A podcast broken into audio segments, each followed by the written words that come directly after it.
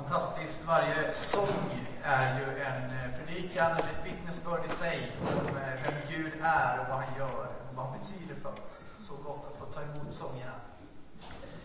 Hörrni, den här terminen, den här våren, ägnar vi oss åt andliga övningar i våra gudstjänster. Eller temat i alla fall är för våra predikningar i våra gudstjänster. Andliga övningar, eller ska vi säga goda vanor, eller ska vi säga andlig friskvård. Man kan uttrycka sig på olika sätt. Den första bok som jag läste i det här ämnet, som tog upp det här med så här klassiska kristna andliga övningar, den hette Celebration of Discipline på engelska. Eh, hur tror ni de översatte det till svenska? Vägar till glädje. Jag trodde det skulle slå bättre i Sverige. Det är en bra bok av Richard Foster i alla fall, hur som helst. Eh, idag har vi kommit fram till lovsång och tillbedjan som en andlig övning. Titta där, har redan byggt upp, vad bra Andliga övningar ger Gud tillgång till vårt hjärta så att han kan förvandla det. Visst är det bra? Alltså, det här har författaren till boken som vi har lite grann rekommenderat den här terminen av Anders Petter Sjödin, eh, Förvandlad i Guds närhet. Eh, han har sagt så här, och säger så i boken, andliga övningar ger Gud tillgång till vårt hjärta. Vem av oss har inte ett hjärta som behöver förädlas? Som brister och som har skavanker? Andliga övningar ger Gud tillgång till våra hjärtan så att han kan förvandla det. Det tycker jag är en god nyhet. Det är inte så ofta som eh, jag utgår ifrån Saltaren i mina predikningar, men det ska jag göra idag. Vi ska läsa ifrån psalm 89 i Saltaren. Och eh, vi ska läsa från vers 12 till vers 19. Och då står det så här. Din är himlen och din är jorden. Du har grundlagt världen och allt den rymmer. Du skapade norr och söder. Tabor och Hermon jublar över dig. Din arm är full av kraft. Din hand är segerrik och stark. På rätt och rättfärdighet vilar din tron. Nåd och trofasthet finns hos dig. Lyckligt det folk som vet att hylla dig. Herre, de får vandra i ditt ansiktes ljus. De gläder sig ständigt över ditt namn och jublar över din rättfärdighet. Ty du är deras styrka och glans. Genom din ynnest vinner vi seger, ty vår sköld tillhör Herren, vår kung tillhör Israels helige. Ska vi be tillsammans. Tack, Fader, att vi får närma oss detta med lovsång och tillbedjan idag på ett särskilt sätt. Tack för att hela den här gudstjänsten är en tillbedjan till dig idag. Och jag ber om nåd att ditt ord också ska få verka i oss och säga någonting till oss idag som hjälper oss att upptäcka mer av dig och vem du är. Amen. Det var en man som kom till en flygplats och eh, han skulle naturligtvis flyga. Han eh, gick in på flygplatsen, köpte sig en kopp kaffe och en påse med jordnötter. Det är väldigt fullt på flygplatsen visar det sig, så när han går runt och funderar på var han ska sätta sig så hittar han liksom ingen bra plats. Men till slut så ser han ett bord där det bara sitter en ensam man och han slår sig ner där så han ställer ner sina grejer, hänger av sig jackan och så sätter han sig vid bordet. Och så sitter han där och tar sin kaffe och börjar smutta lite och så böjer han sig fram och öppnar påsen med jordnötter och börjar äta ur sina jordnötter där. Och så, han sitter där, så ser han hur mannen mitt emot böjer sig fram och tar jordnötter ur påsen. Stoppar det. Och nu blir han lite lätt nervös. Hur, hur, hur tacklar man det här? Eh, det känns ganska pinsamt. Vad ska han säga? Hur ska han bete sig? Han, han, eh, han hade inte tänkt att han skulle hamna mitt emot en jordnötstjuv. han tar lite mer kaffe och tar lite mer jordnötter och då passar han på liksom och drar påsen lite närmare sig och så fortsätter han äta. Och... Men det går bara en liten stund så sträcker sig den här mannen över hela bordet och tar en jordnöt till och ler och fortsätter äta. Och mannen tänker, drömmer jag eller vad är det som händer? Är det på riktigt? Alltså tänk, tänk om den här andra killen är, är högljudd och våldsam och liksom ställer till en scen om jag börjar ifrågasätta det han gör. Mannen väljer liksom att ligga lågt och till slut så visar det sig att det är dags för den andra att gå. Och han eh, reser sig upp. Och så böjer han sig fram igen, tar den sista jordnöten i påsen. Han delar jordnöten, tar halva och stoppar tillbaks den andra halvan i påsen. Och skjuter påsen emot mannen, ner och vinkar och promenerar iväg. Okej. Okay. Tror han att jag ska ta den där jordnöten som han har pillat på, jordnötstjuven? Mannen försöker samla sig och till slut så är det dags för honom att gå och han plockar ihop sina grejer, tar på sig jackan och böjer sig ner och ska ta sin väska och uppe på väskan så ser han att där står hans jordnötspåse.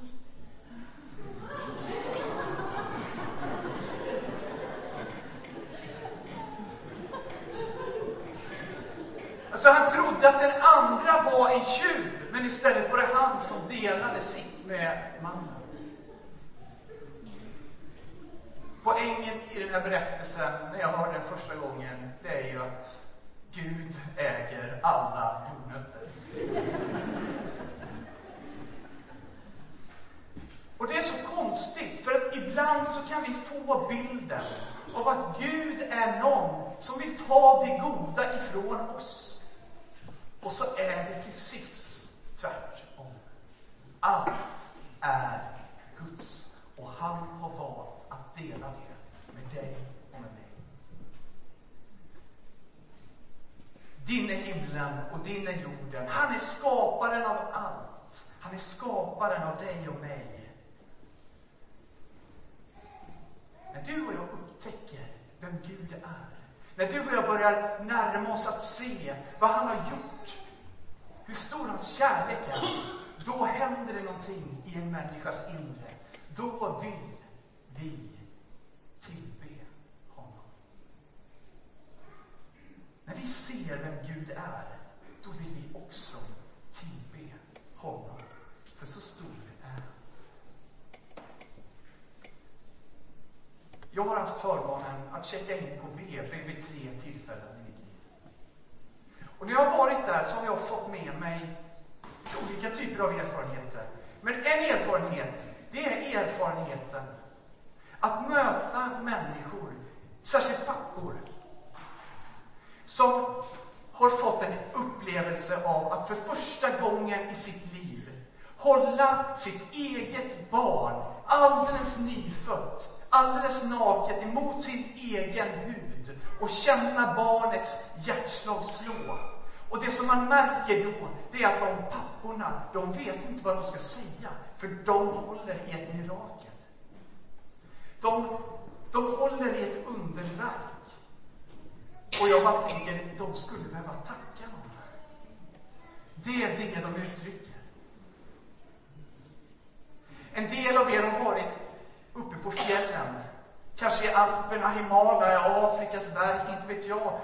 Och så har ni stått och så har ni bara blivit förstummade av upplevelsen av den mäktiga byn och naturen som möter er. Och så bara vet ni inte vad ni ska säga, för det är så stort. Skapelsen är så enorm. Och så är det någon som har skrivit O store Gud, när jag din värld beskådar som du har skapat med din allmakts ord. Då brister själen ut i lovsångsljud. När jag ser det, då kan jag inte stoppa, då brister själen ut i lovsångsljud. Det är tillbedjan.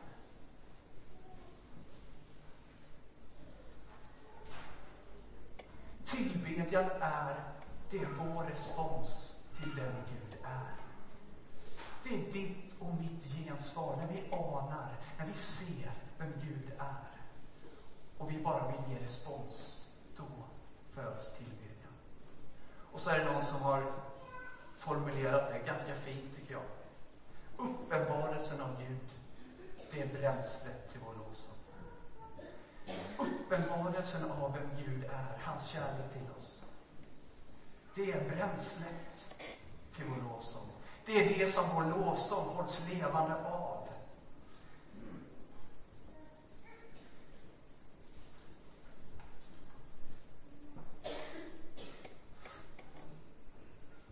Jag tror det ligger nedlagt i varje människa.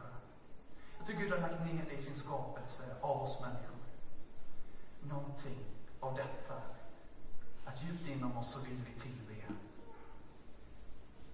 Och vi är inbjudna att tillbe honom. Och när vi tillber, då kan vi göra det. Vi kan göra det med ord, med toner, med musik som, som vi har fått vara med om idag. Vi kan tillbe i tystnad och stillhet. Vi kan falla på knä i vår ensamhet. Men vi kan också jubla, vi kan dansa, låta hela vår kropp och varelse vara med i glädje och tillbedjan inför Gud. Vet du, vi kan tillbe när vi skalar potatis. Vi kan tillbe i bilkön på väg till jobbet. Vi kan tillbe när vi är ute och springer eller när vi nattar våra barn. Därför att tillbedjan handlar om våra hjärtan. Vår hjärtas respons till Gud.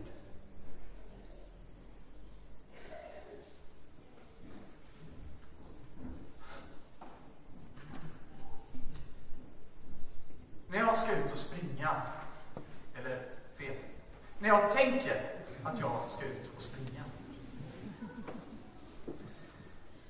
då går jag allt som oftast in i en kamp. Det är säkert en helt personlig erfarenhet där. Eh, alltså det är någonting i mig som motarbetar den tanken direkt. Alltså det finns så mycket andra saker som man skulle kunna komma på att göra. Och bara ligga kvar i soffan, ta en kopp kaffe till, läsa lite längre i den trevliga boken som jag inte läst på så länge. Alltså det blir en kamp. Ganska ofta så segrar det här som ja, börjar hända i mig. Men ibland bestämmer jag mig och övervinner och kommer ut på min löparrunda. Ibland, observera, gör jag det. Och då är min erfarenhet efteråt att jag har ont i hela kroppen. Men någonstans så märker jag att jag mår ju bättre av det, eller hur? På samma sätt så tycks det som att Bibeln försöker säga till oss, det finns någonting i oss människor som vill få oss att inte tillbe. Det finns någonting i oss människor som är bortvänt ifrån Gud. Hur kristen jag än är, hur döpt jag än är, hur länge jag än har känt Jesus person det finns någonting i oss människor som drar bort åt ett annat håll. Paulus kallar det för köttet när han skriver sina brev. Jag tror att vi ibland också behöver bestämma oss för att tillbe som ett beslut, ett val i livet. Ett val, vi har hört det redan flera gånger, i olika omständigheter. Det är inte alltid som det bara kanske känns som att det är wow, det första jag tänkte på. Men det kan vara ett beslut att mitt liv varje dag ska få vara en tillbedjan till Gud. Och när vi kommer tillsammans i gudstjänsten, jag tänker faktiskt så, när vi kommer tillsammans och firar gudstjänst, jag tror att då också kan vi ibland behöva bestämma oss för att jo, jag ska vara med i församlingens, i gemenskapens gemensamma lovsång och tillbedjan. Det kanske inte alltid används texter som jag skulle valt. Det kanske inte används eh, musik som jag skulle valt. Men jag kan ta ett beslut i mitt liv. Jag vill ändå vara med och tillbe, därför jag vet att det är skillnad. Därför ytterst sett så handlar det inte om oss, utan tillbedjan handlar om Gud. Det handlar om Gud.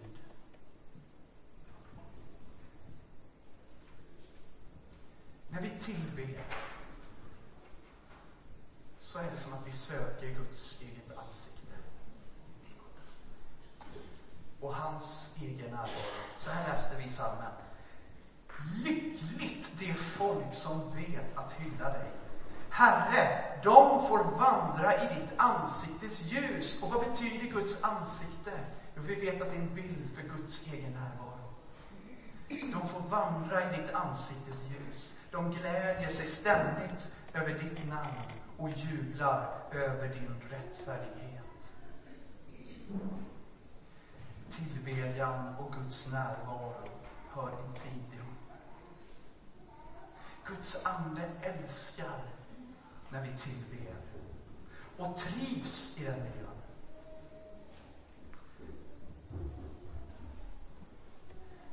Därför är det inte så konstigt när människor ger sitt vittnesbörd eller sin berättelse att man kom till kyrkan. Vad var det som fick dig att attraheras? Eller vad var det som gjorde att du liksom blev kvar? Eller öppna upp för Gud i ditt liv? Det var atmosfären. Är det inte så få som säger. Därför att de upplever ju just detta, att när vi tillber så händer det någonting. Guds närvaro blir märkbar.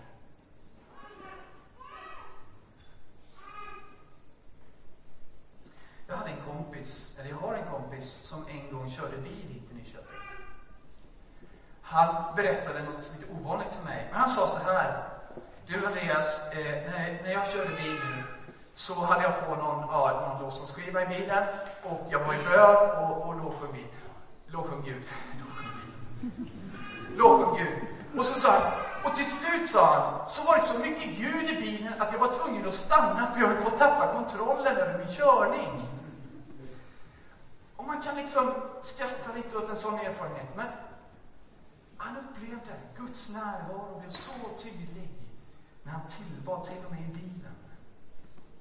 Jag har vänner som startade ett café i Göteborg, det här var några år sedan och de har sålt kaféet nu. Men de gjorde det därför att de ville ha en plats för människor i Majorna att, att känna sig hemma i ett vardagsrum för människor som inte kanske hade det så tydligt.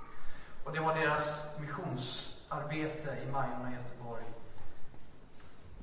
När de öppnar, innan de öppnar kaféet så bjuder de in några vänner och så gör de någonting. De väljer att ha en stund eller en, en dag eller kväll eller hur det ser ut av bön och lovsång i kaféet innan de öppnar. Och sen öppnar kaféet och så kommer det gäster till höger och vänster. Och sen så är det någon av gästerna som ändå, hör och häpna, säger så här när de kommer in. Oj, vad annorlunda det var här. Det är ju helt andra energier här idag. Ägarna innan hade fått på med lite av varje, bland annat New Och så kommer det gäster som känner att nu är det en annan närvaro i den här lokalen. Därför människor har tillbett Gud och Guds närvaro har bjudits in i en lokal. Och de kunde känna av det och uttrycka det sig på sitt sätt. Det är helt andra energier här inne.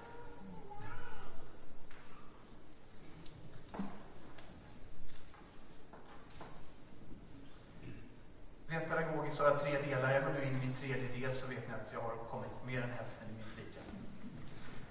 En pastor som heter Daniel Nordberg har skrivit en bok som heter Mänsklighetens hopp. Kyrkan, Mänsklighetens hopp. Och där skriver han så här. Alla människor tillber något. Och ingen av oss är starkare än den vi tillber. Smaka på det. Ingen av oss är starkare än den du tillber. Jag vet inte om du tänkte på det när vi läste psalmen förut. Så här stod det, du, eller så här står det, du är deras styrka och glans. Genom din ynnest vinner vi seger, ty vår sköld tillhör Herren. Vi är inbjudna att vända oss till honom i tillbedjan i tacksamhet, i, med vår hyllning till honom som har all makt i himlen och på jorden. Till honom som är världens ljus. Vi är inbjudna att vända oss till honom. Som säger kom till mig, alla ni som är trötta, tyngda av bördor. Tillbedjan föds ofta i tider av behov och svårigheter i nöd. Det är så lätt att tänka att tillbedjan är någonting för glada dagar. Livets liksom triumfer. Men i alla tider så har tillbedjan fötts i kris och förföljelse. Tror du mig inte så kan du läsa i Psaltaren. Det bara är så tydligt gång på gång hur nöden är så stor. Och det finns inte en omständighet, tänker jag, som vi kan hamna i som du inte kan känna igen dig i Psaltaren.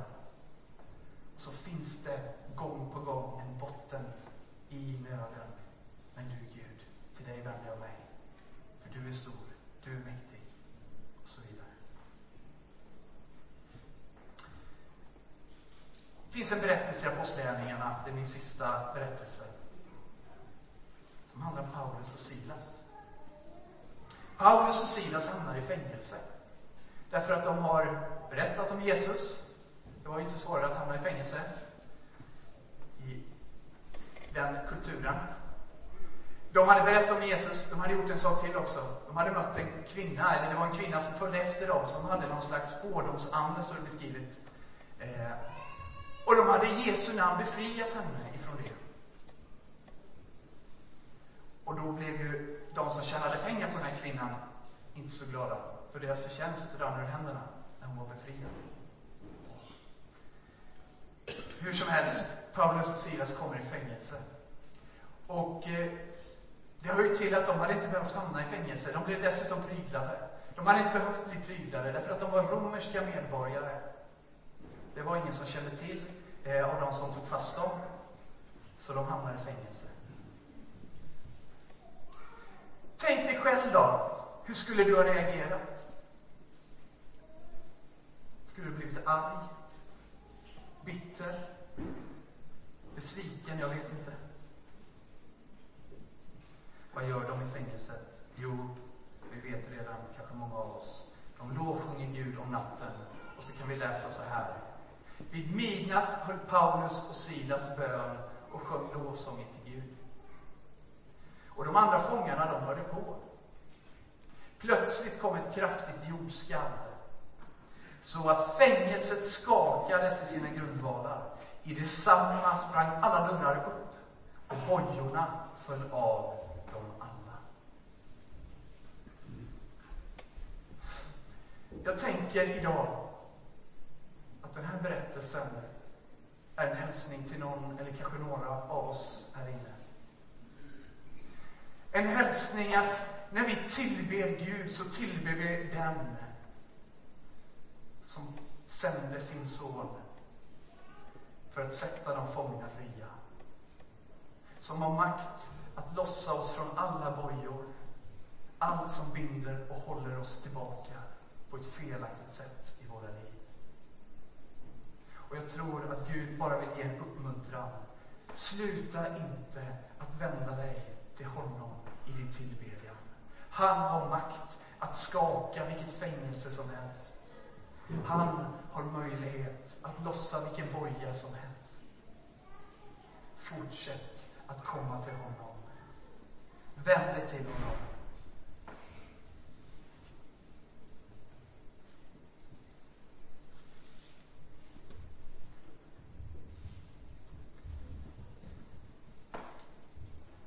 Vi har vi vill ge några utmaningar varje vecka. Här kommer tre utmaningar. Kanske någon utmaning är för dig.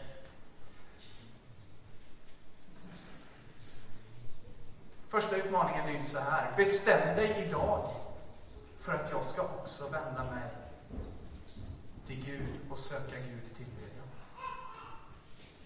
Kanske har du inte så medvetet tänkt den tanken förut. Du kan göra det idag. Du är inbjuden. Det är min första utmaning.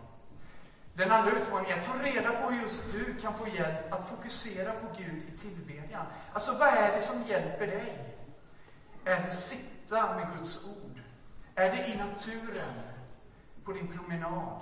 Bönepromenad? Är det vid lovsångsmusiken? Var någonstans får du hjälp? Ta reda på det. Vad är det som hjälper dig att fokusera på Gud? Och den sista utmaningen. Öva dig också på att tillbe på ett sätt som inte genast är det mest naturliga.